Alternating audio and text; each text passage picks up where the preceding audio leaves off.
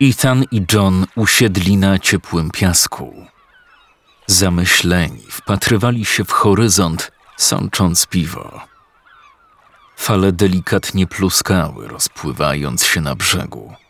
Nad głowami majaczyły szare, betonowe filary pomostu, rzucające swoje długie cienie na plażę.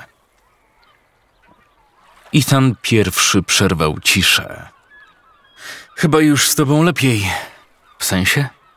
Pogubiłeś się trochę po jej śmierci. Hm. Tak. Rzeczywiście, jest lepiej. To dobrze. Łap piwo. Nie zapytasz, co się stało? Jak? Itan przyłożył dłoń do czoła, osłaniając oczy od słońca. Patrzył na poubieranych w skafandry surferów, brodzących w niebiesko-zielonej wodzie.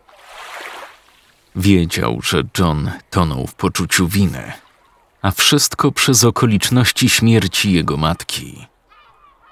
Przez ostatnich kilka lat prawie ze sobą nie rozmawiali. W końcu John odmówił też zobaczenia się z nią na łożu śmierci. Po jej pogrzebie Itan obserwował go z dystansu. Ciekaw, czy kumpel odnajdzie w sobie tyle sił, by zebrać się do kupy, czy też zapije się na śmierć. Tak, troska o innych czyni ludzi słabymi. Itan wzruszył ramionami. Zanax? Terapia? Nie. w sumie to nie wiem, czy powinienem ci o tym mówić. I tak nie uwierzysz. O, proszę. Przekonajmy się. Po śmierci mamy spadłem na dno. Ćpałem, piłem, ale nic nie pomagało.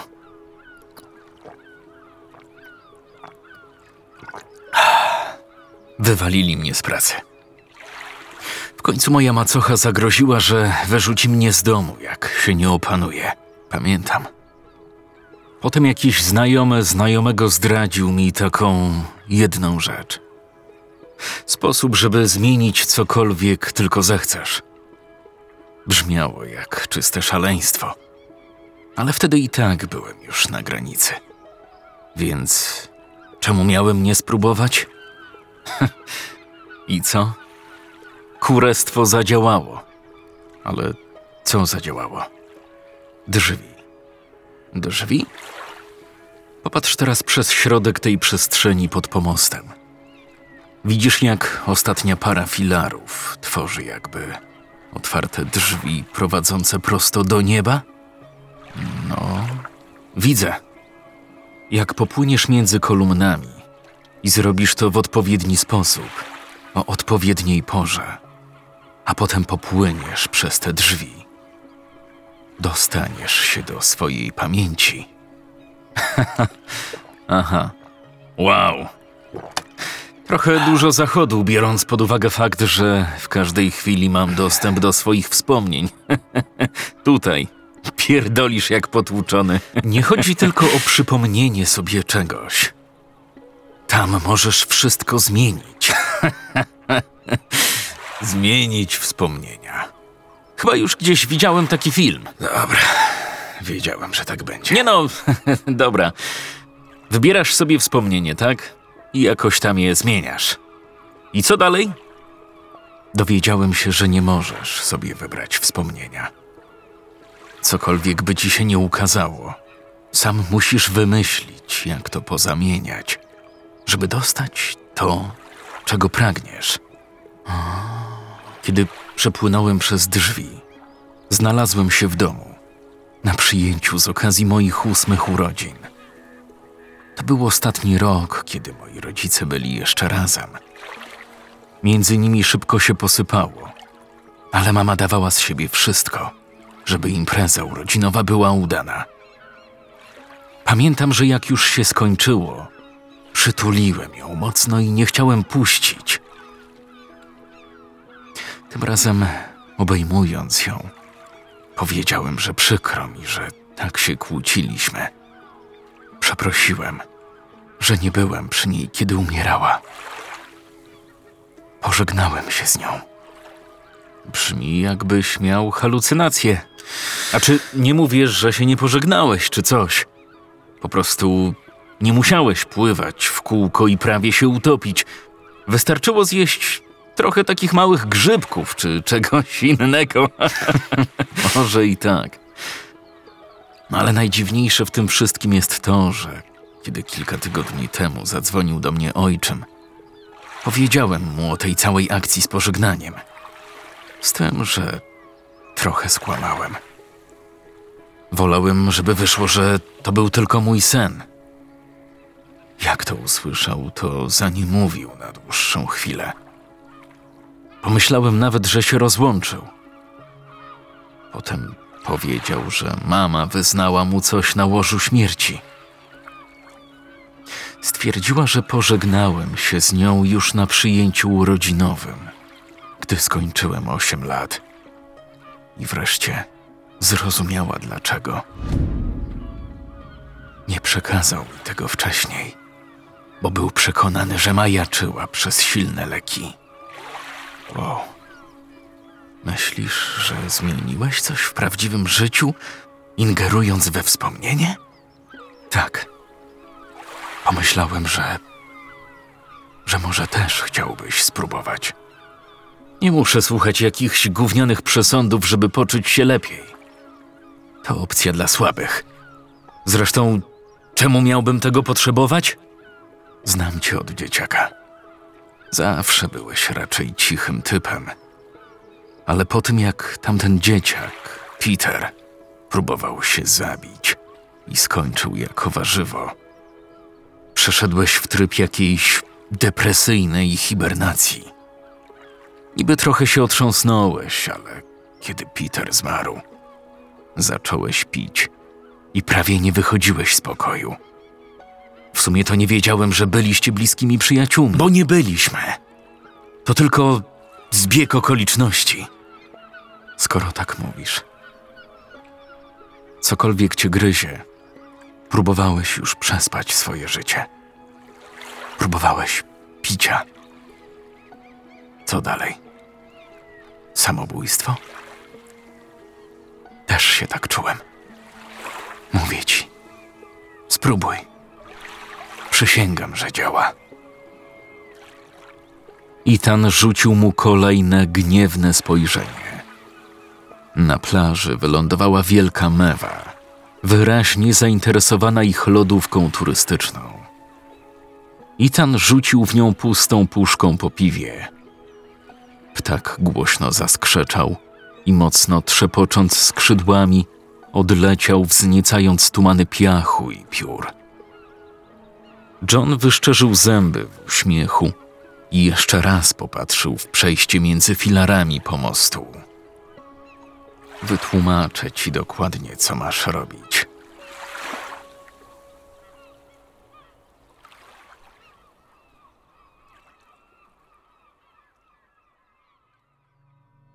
Dwa tygodnie później Itan siedział w swoim pokoju i sprawdzał raport pogodowy dla surferów. Ostatnie sztormy w okolicach Alaski spowodowały napływ większych fal w kierunku południowej Kalifornii. Westchnął i popatrzył na instrukcje napisane przez Johna. To będzie otarcie się o śmierć albo samobójstwo. Krok pierwszy. Muszą być duże fale. Przynajmniej takie wiesz, do wysokości ramion. Ethan jeszcze raz odwrócił głowę w stronę ekranu laptopa. Punkt pierwszy jest. Krok drugi. Musisz płynąć nocą, podczas nowiu, w całkowitej ciemności. Ethan szybko wyszukał rozpiska faz księżyca w tym miesiącu. Nów wypadał właśnie tej nocy. Punkt drugi jest. Krok trzeci. Musisz przepłynąć między trzynastoma filarami odpierającymi prawą stronę pomostu. Zacznij płynąc pod molo, a potem skieruj się na zewnątrz między pierwszym i drugim filarem. Potem znów wpłyń do środka między drugim i trzecim. Poruszaj się w ten sposób do końca, dopóki znów nie wpłyniesz pod molo między dwunastą i trzynastą kolumną. Potem wypłyń na wprost przez drzwi. I bingo! Życie staje się idealne. Kiedy Ethan zapytał, dlaczego tak ważne jest zaistnienie pierwszego i drugiego warunku, John odparł, że ciemności fale zwiększają poziom trudności. Inaczej każdy głupi mógłby sobie popłynąć pod molo i dostać się do drzwi. Ethan poprosił też kumpla o dalsze wskazówki. Jakim cudem ma robić tę przeplatankę między kolumnami, skoro nie będzie ich widział? John wyciągnął tylko rękę przed siebie i z zamkniętymi oczami powiedział: Musisz je wyczuć. Nie no, stary, to głupota. Nie da się zmienić przeszłości.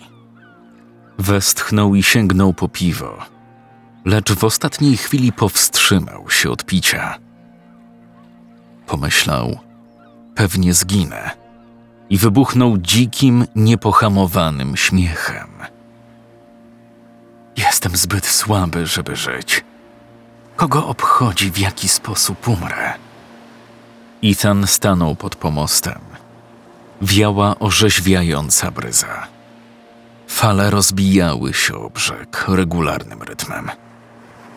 Zrzucił z nóg klapki i zanurzył stopy w zimnym, mokrym piasku. Wciągnął i zasunął swój piankowy skafander, a potem zaczął się rozciągać.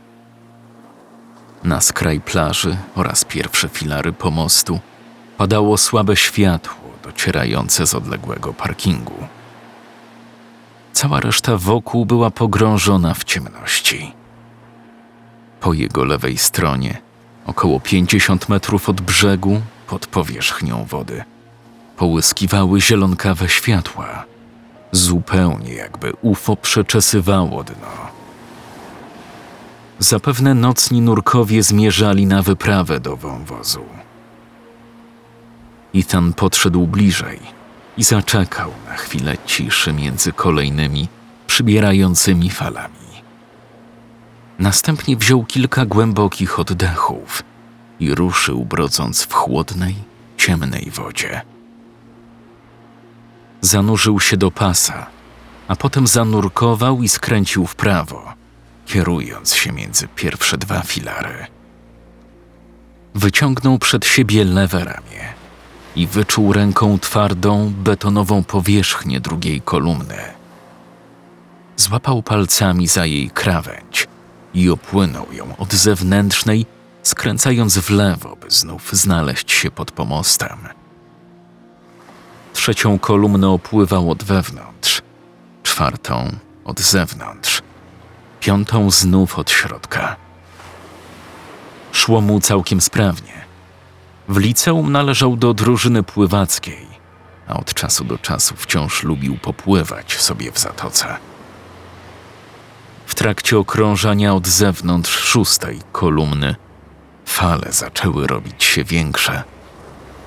Odnalezienie właściwego kursu, będąc cały czas znoszonym z taką siłą, okazało się niemal niemożliwe.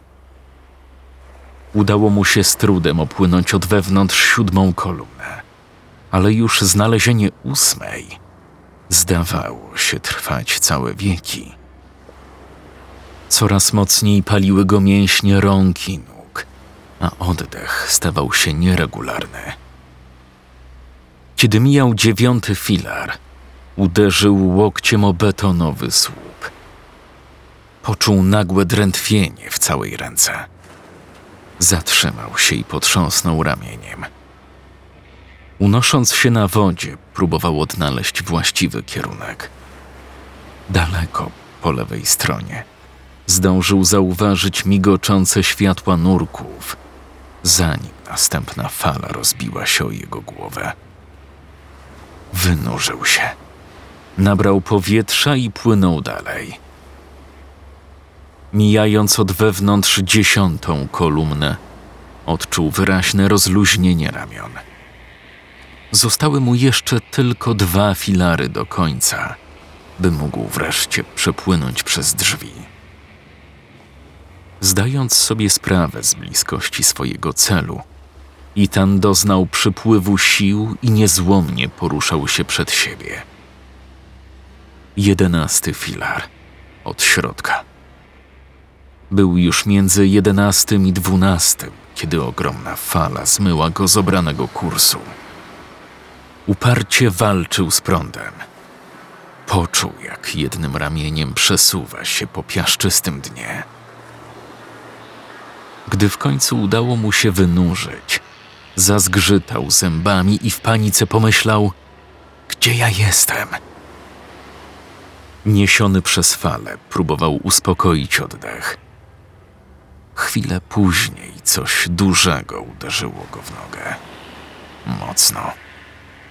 Wystraszony rozejrzał się dookoła, wypatrując niebezpieczeństwa w czarnych wodach.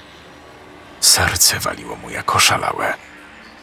O kurwa, tylko nie rekin, tylko nie rekin. Szybko ruszył tam, gdzie wydawało mu się, że stały filary jedenasty i dwunasty. Ręką wyczuł jeden ze słupów.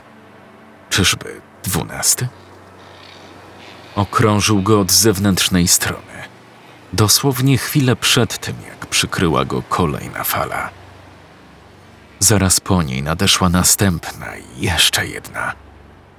Żywioł targał Itanem, nie dając ani chwili na odpoczynek. Próbował złapać się czegoś. Machał nogami z całych sił. W płucach czuł już pieczenie. Nawet z szeroko otwartymi oczami, wśród tej nieprzeniknionej czerni, nie potrafił stwierdzić, która strona prowadzi na powierzchnię. Plecami i głową uderzył o słup. Tym samym resztki oddechu uciekły z jego płuc. Przymknął oczy i nie widział już nic. Nagle szum fal zmienił się w dzwonienie w uszach. Ethan podniósł powieki. Zobaczył jasno świecący księżyc w pełni. Usiadł i wydał z siebie głośny jęk. Czuł okropny ból w całym ciele, zupełnie jakby poobijał się przy wirowaniu w bębnie pralki. Potarł dłonią tył głowy, oczekując, że wymaca w tym miejscu ogromnego guza. Nagle ze zdumienia jeszcze szerzej otworzył oczy. Pod palcami poczuł futro. Dziwnie szorstkie, sztuczne w dotyku. Dokładnie jak to, którym pokryte były najtańsze pluszaki. Spuścił wzrok niżej i zobaczył różową sierść pokrywającą go od czubka głowy aż do stóp. Miał na sobie nawet zabawne kapcie, króliczki z niebieskimi guzikami w kształcie oczu, patrzące rozczulającym wzrokiem. Roztrzęsionymi dłońmi sięgnął ponad głowę, by znaleźć tam parę króliczych uszu. W tym momencie bezwiednie otworzył usta na całą szerokość. Rozejrzał się dookoła. Opustoszałą ulicę oświetlał jedynie blask księżyca. Asfalt, na którym siedział, był popękany i pełen dziur. Z głębokich szczelin, gdzie niegdzie wychylały się chwasty. Po obu stronach drogi stały obok siebie opuszczone, parterowe domki z odrapaną farbą i przewracającymi się płotami. Puste, ciemne otwory w miejscu okien wyglądem przypominały upiorne, czarne oczy, obserwujące każdy jego ruch. Itan zadrżał. Z za domów wyrastały wysokie drzewa z powykręcanymi konarami, sięgającymi niczym rękami wprost do nieba. Odległe wycie kojotów rozchodziło się echem po lesie, jak odgłosy nocnej, dzikiej imprezy. Udało mu się jakoś stanąć na roztrzęsionych nogach, lecz prawie przewrócił się, potykając o wypchaną czymś szarą poszewkę na poduszkę. Świat zawirował. Ethan nie mógł złapać oddechu. Chcąc odzyskać równowagę, chwycił się jednej ze sztafet pobliskiego, próchniejącego już płotu. Kiedy wreszcie przestało mu się kręcić w głowie, zorientował się, że patrzy na wszystko z dziwnie małej wysokości. Co to? Z jego ust wydobywał się dziecięcy, drżący głos. Poczuł, jak zalewa go zimny pot. Jest Halloween, prawda? Wtedy to wszystko się zaczęło. Dobry Boże, znów mam dziesięć lat. Wzrok Itana podążał teraz za wyblakłą, żółtą linią na drodze, która delikatnie wznosiła się i skręcała, kończąc w osiedlowej, ślepej uliczce. Z trudem przełknął ślinę. Podniósł z ziemi pogniecioną, wypełnioną cukierkami poszewkę i ruszył w stronę domu. Zbliżając się, zauważył postać małego, przestępującego z nogi na nogę kowboja. Rozglądał się z szeroko otwartymi oczami, a przed sobą trzymał ściśniętą obiema rękami żółtą poszewkę. Miał na głowie za duży kapelusz, który spadał mu na oczy przy każdym ruchu, gdy oglądał się za siebie. W tamtym momencie jeszcze nie widział nadchodzącego kolegi. Ethan przemknął po cichu przez podwórka i schował się za kubłem na śmieci, przy którym stał kowboj. Poczekał krótką chwilę, po czym wyskoczył za niego wołając BU! Chłopiec aż podskoczył i pisnął. Ethan zaczął się śmiać. Przestań tak wrzeszczeć, Peter! To ja! Myślałem, że jesteś duchem. Włochaty? Różowy duch? Bardziej chyba bałbym się kojotów. Może i tak. Oczy Petera zaczęły błądzić po okolicy. Potem odchylił lekko głowę do tyłu, żeby zobaczyć królicze uszy Itana w całej okazałości, przez co kowbojski kapelusz ześlizgnął się i spadł na ziemię. Szybko go podniósł, otrzepał z piachu i z powrotem założył. Już się bałem, że nie przyjdziesz. A tak w ogóle to za co się przebrałeś? No, za wielkanocnego zajączka. Ale przecież jest Halloween. No i o to chodziło, żeby było śmiesznie cymbale. Idziemy. Itan wyjął ze swojej poszewki małą latarkę. Włączył ją i skierował się w przejście między domami prowadzące prosto do lasu. Doskonale wiedział, gdzie ma pójść. Peter musiał szybko przebierać nogami, żeby go dogonić. Jesteś pewny, że to zadziała? Przestań się tak mazgaić. Tak, zadziała na sto procent. Peter zawsze był w szkole tym strachliwym, nieśmiałym typem dzieciaka. Przez lata Ethan obserwował, jak mniejszy kolega obrywa od innych i co tydzień chodzi z podbitym okiem albo krwawiącym nosem. Nigdy nawet nie próbował się bronić. Peter był słaby. W tym roku, gdy obaj skończyli 10 lat, Ethan zdradził Peterowi, że zna zaklęcie, które sprawi, że stanie się silniejszy. To starożytna magia, którą jego babcia ściągnęła ze sobą ze swojego starego kraju. Żeby wykonać rytuał, musieli przejść przez opuszczone osiedle na skraju miasta i dotrzeć na leśną polanę. Wszystko miało odbywać się przy pełni księżyca, w wigilię wszystkich świętych. To co to za zaklęcie? Już ci mówiłem. Babcia je dla mnie wymyśliła. To dlatego jestem silny. Masz wszystkie rzeczy, które kazałem ci przynieść? Tak, tak. Yy, kości z kurczaka, ostry nóż, lina, suszone liście szałwi i zapalniczka. I tan kiwnął głową. Jego długie, królicze uszy majtały się przy tym w przód i w tył. W lesie panowała cisza. Słychać było jedynie odgłosy ich marszu, gdy z każdym krokiem kruszyli suche, opadłe liście. Nagle gdzieś z lasu rozległ się dźwięk łamanej gałęzi. Przestraszony Peter znów podskoczył. Zaczął iść szybciej, wciąż rozglądając się na boki. Nie mogę się doczekać, aż zjem te wszystkie cukierki. Gdzie je zbierałeś w tym roku? Zrobiłeś już pracę domową z matmy? Trudna była. Kurde, robię się już głodny. Zamkniesz się wreszcie? Syknął ze złością Ethan. Peter momentalnie zacisnął usta i kiwnął głową.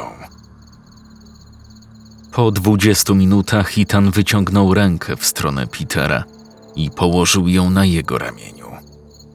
Chłopiec cicho zaskomlał, na co Ethan przewrócił oczami.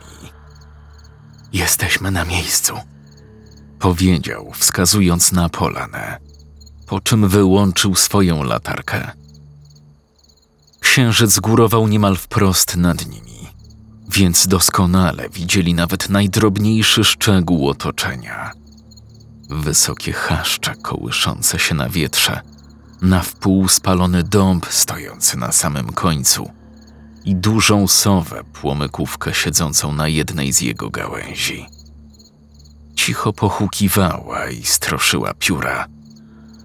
Zdejmij koszulę i połóż się. O, tam. Ale. Ale jest zimno. Dobra.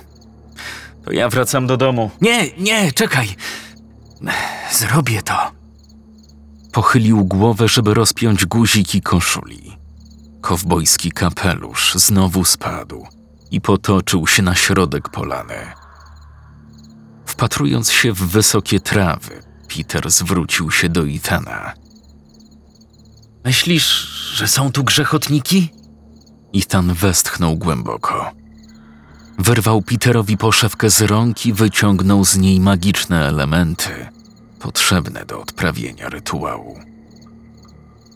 Pamiętał, że jako dzieciak spędził wcześniej cały tydzień na czytaniu o składnikach niezbędnych do rzucania zaklęć. Kości, krew i szałwia były wymieniane wiele razy. Peter w końcu położył się na ziemi. Ethan użył sznura, żeby związać ze sobą pęczek dużych liści szałwi. Podpalił jeden koniec i dmuchnął w płomień, obserwując przez chwilę, jak się tli. Chodząc wokół Petera, roznosił w powietrzu gęsty dym o ostrym aromacie. Mam nadzieję, że mama nie będzie zła za te szałwie. Miała jej użyć na święto dziękczynienia. Zamknij mordę! Uciął Ethan. Zrobił wokół Petera dwa kółka, a potem sięgnął po nóż i kości, które ułożył przy głowie chłopaka jak aureole. Następnie chwycił zimną dłoń Petera i ukłuł go czubkiem noża w palec wskazujący. Au! Przestań tak jęczeć! Do magicznych zaklęć trzeba krwi. Dawaj palec. Itan ścisnął opuszek palca kolegi, dopóki nie wypłynęła z niego duża kropla. Peter wykrzywiał twarz, podczas gdy Itan, używając jego krwi, wymazał mu na czole pentagram. Potem chwycił resztę sznura i związał ręce i nogi leżącego chłopaka. Peter cały drżał. Oczy prawie wyszły mu na wierzch, ale nie odezwał się ani słowem. Ethan wstał i otrzepał swoje futrzaste kolana. Dobra. A teraz czas na zaklęcie. Wzniósł ręce do nieba i wypowiedział jakieś słowa po węgiersku. Powtarzał je raz za razem, machając przy tym kiścią palących się liści. Musiał zagryźć policzek, żeby jakoś powstrzymać się od śmiechu. Naopowiadał Peterowi, że poznał starożytne słowa mocy, A tak naprawdę były to przekleństwa, którymi jego dziadkowie obrzucali się wzajemnie podczas kłótni. Już prawie koniec, stwierdził Ethan. Znów wziął do ręki nóż i usiadł Peterowi na brzuchu. Au! Co ty robisz? Teraz. Ostatnia część. Powiedział Ethan, unosząc nóż nad głową kolegi. Przestań. Przestań się wygłupiać. Ja już. Ja już nie chcę. Miotał się, próbując zrzucić z siebie Ethana. Ale ten był jednak za ciężki. Peter wpadł w histerię.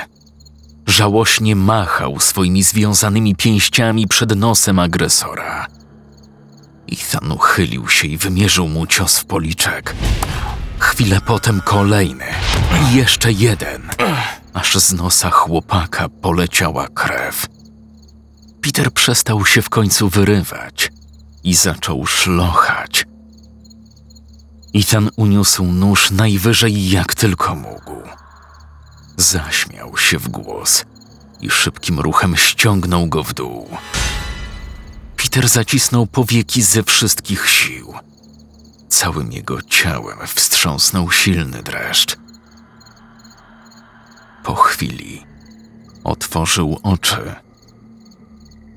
Tuż przed sobą zobaczył twarz Ethana.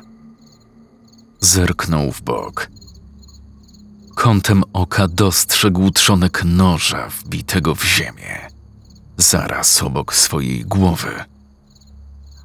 Czuł, jak zimne ostrze dotyka ucha. Tak to się właśnie skończyło.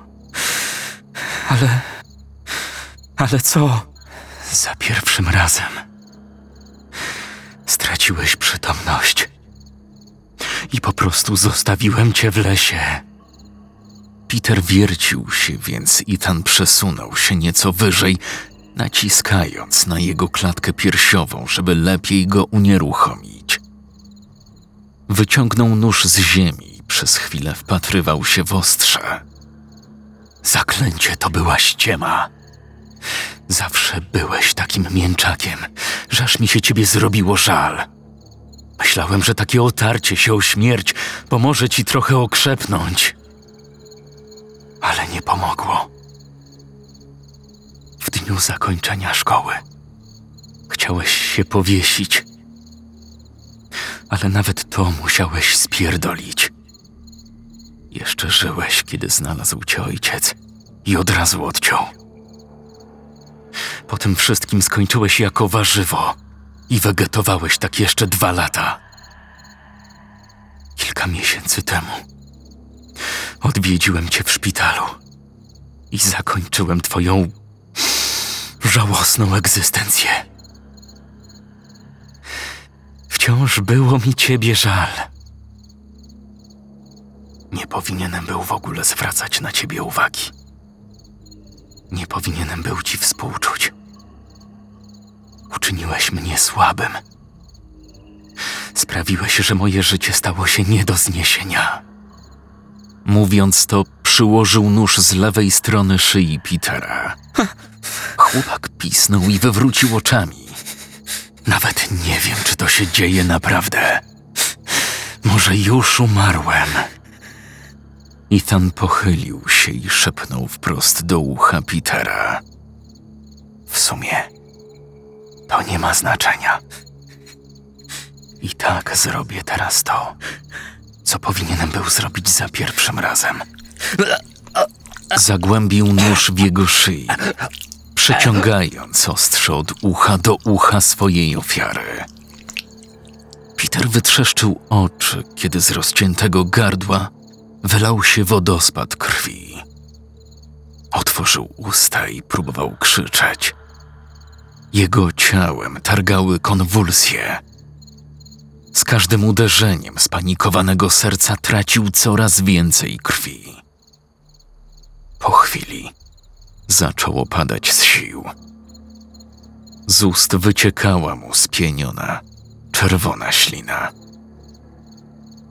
W końcu przestał się ruszać, a jego martwy wzrok pozostał utkwiony w tarczy księżyca. Ethan zdołał stanąć, choć rozedrgane nogi ledwo go dźwignęły. Jedną ręką wytarł pochlapaną krwią twarz. Drżącymi dłońmi chwycił latarkę i pozbierał z polany wszystkie magiczne przedmioty, wkładając je do swojej poszewki. Bardzo swędziała go skóra na karku.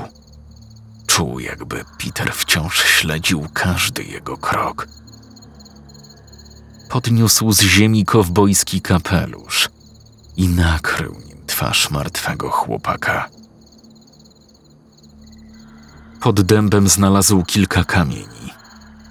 Siedząca na gałęzi sowa obserwowała, jak Ethan ściąga z siebie zakrwawiony strój wielkanocnego zajączka i wpycha go do poszewki na poduszkę razem z kamieniami. Potem związał tkaninę mocnym węzłem. W drodze do domu miał zamiar wyrzucić wszystko z mostu do rzeki, łącznie z nożem. Znów odezwały się kojoty. Tym razem zdawały się być bliżej. Przez dłuższą chwilę Itan patrzył na ciało Petera, a potem odwrócił się, by odejść. Księżyc schował się za chmurami, pogrążając wszystko w ciemności. Uszy znów zalały mu dźwięki szumiącej, niespokojnej wody. Obrócił się szeroko otwierając oczy. Uderzył go mocny, zimny strumień. Szczękał zębami. Nie mógł utrzymać się na nogach i padł na ziemię. Próbował wstać, ale nie był w stanie się ruszyć. Nic nie widział. Nie mógł oddychać.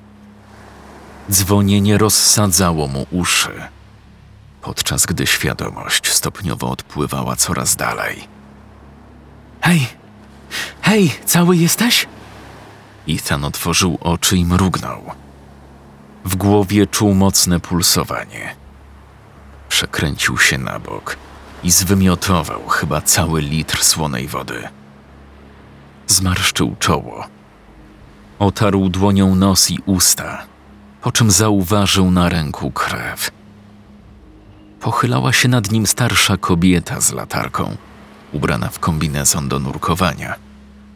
Za nią zobaczył leżące na ziemi butle z powietrzem, maski i płetwy. Kobieta położyła mu dłoń na ramieniu.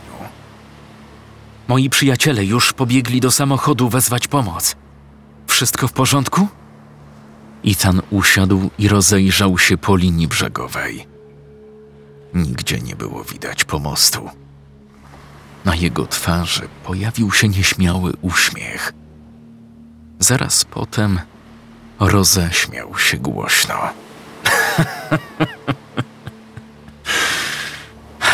tak. Nareszcie wszystko jest w porządku.